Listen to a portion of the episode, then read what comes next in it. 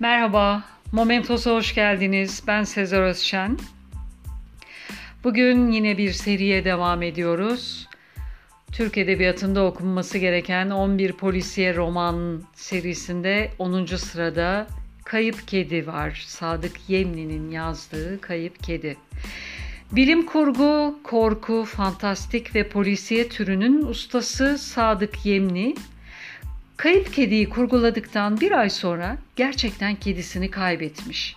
Ve kitabı da kaybolan kedisi Fıkır'a ithaf etmiş.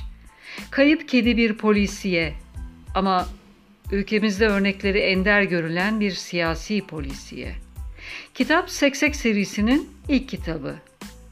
Kitapta genç bir kadın İzmir'de evinde ölü bulununca MIT'e bağlı kendilerine Seksek ekibi adı veren ve Emre Tuğrul yönetimindeki 5 kişilik özel bir ekip bu kuşkulu cinayeti araştırmaya başlar.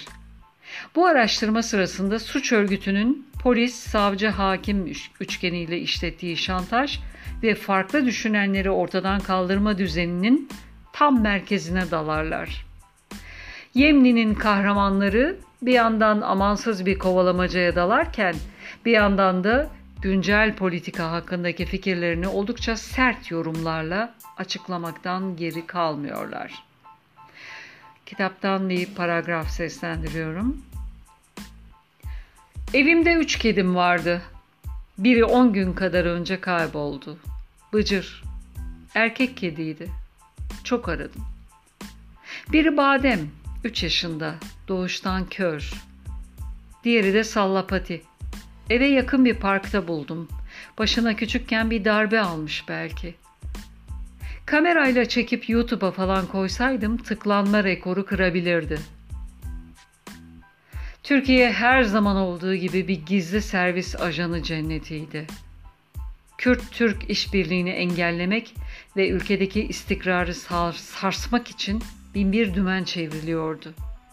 Bu nedenle MIT mensuplarının mesaisi bayağı yoğundu.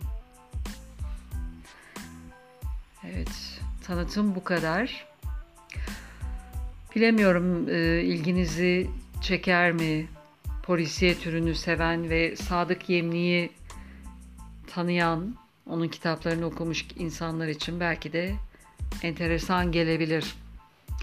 Dinlediğiniz için teşekkürler. Hoşçakalın. Momentos'ta kalın.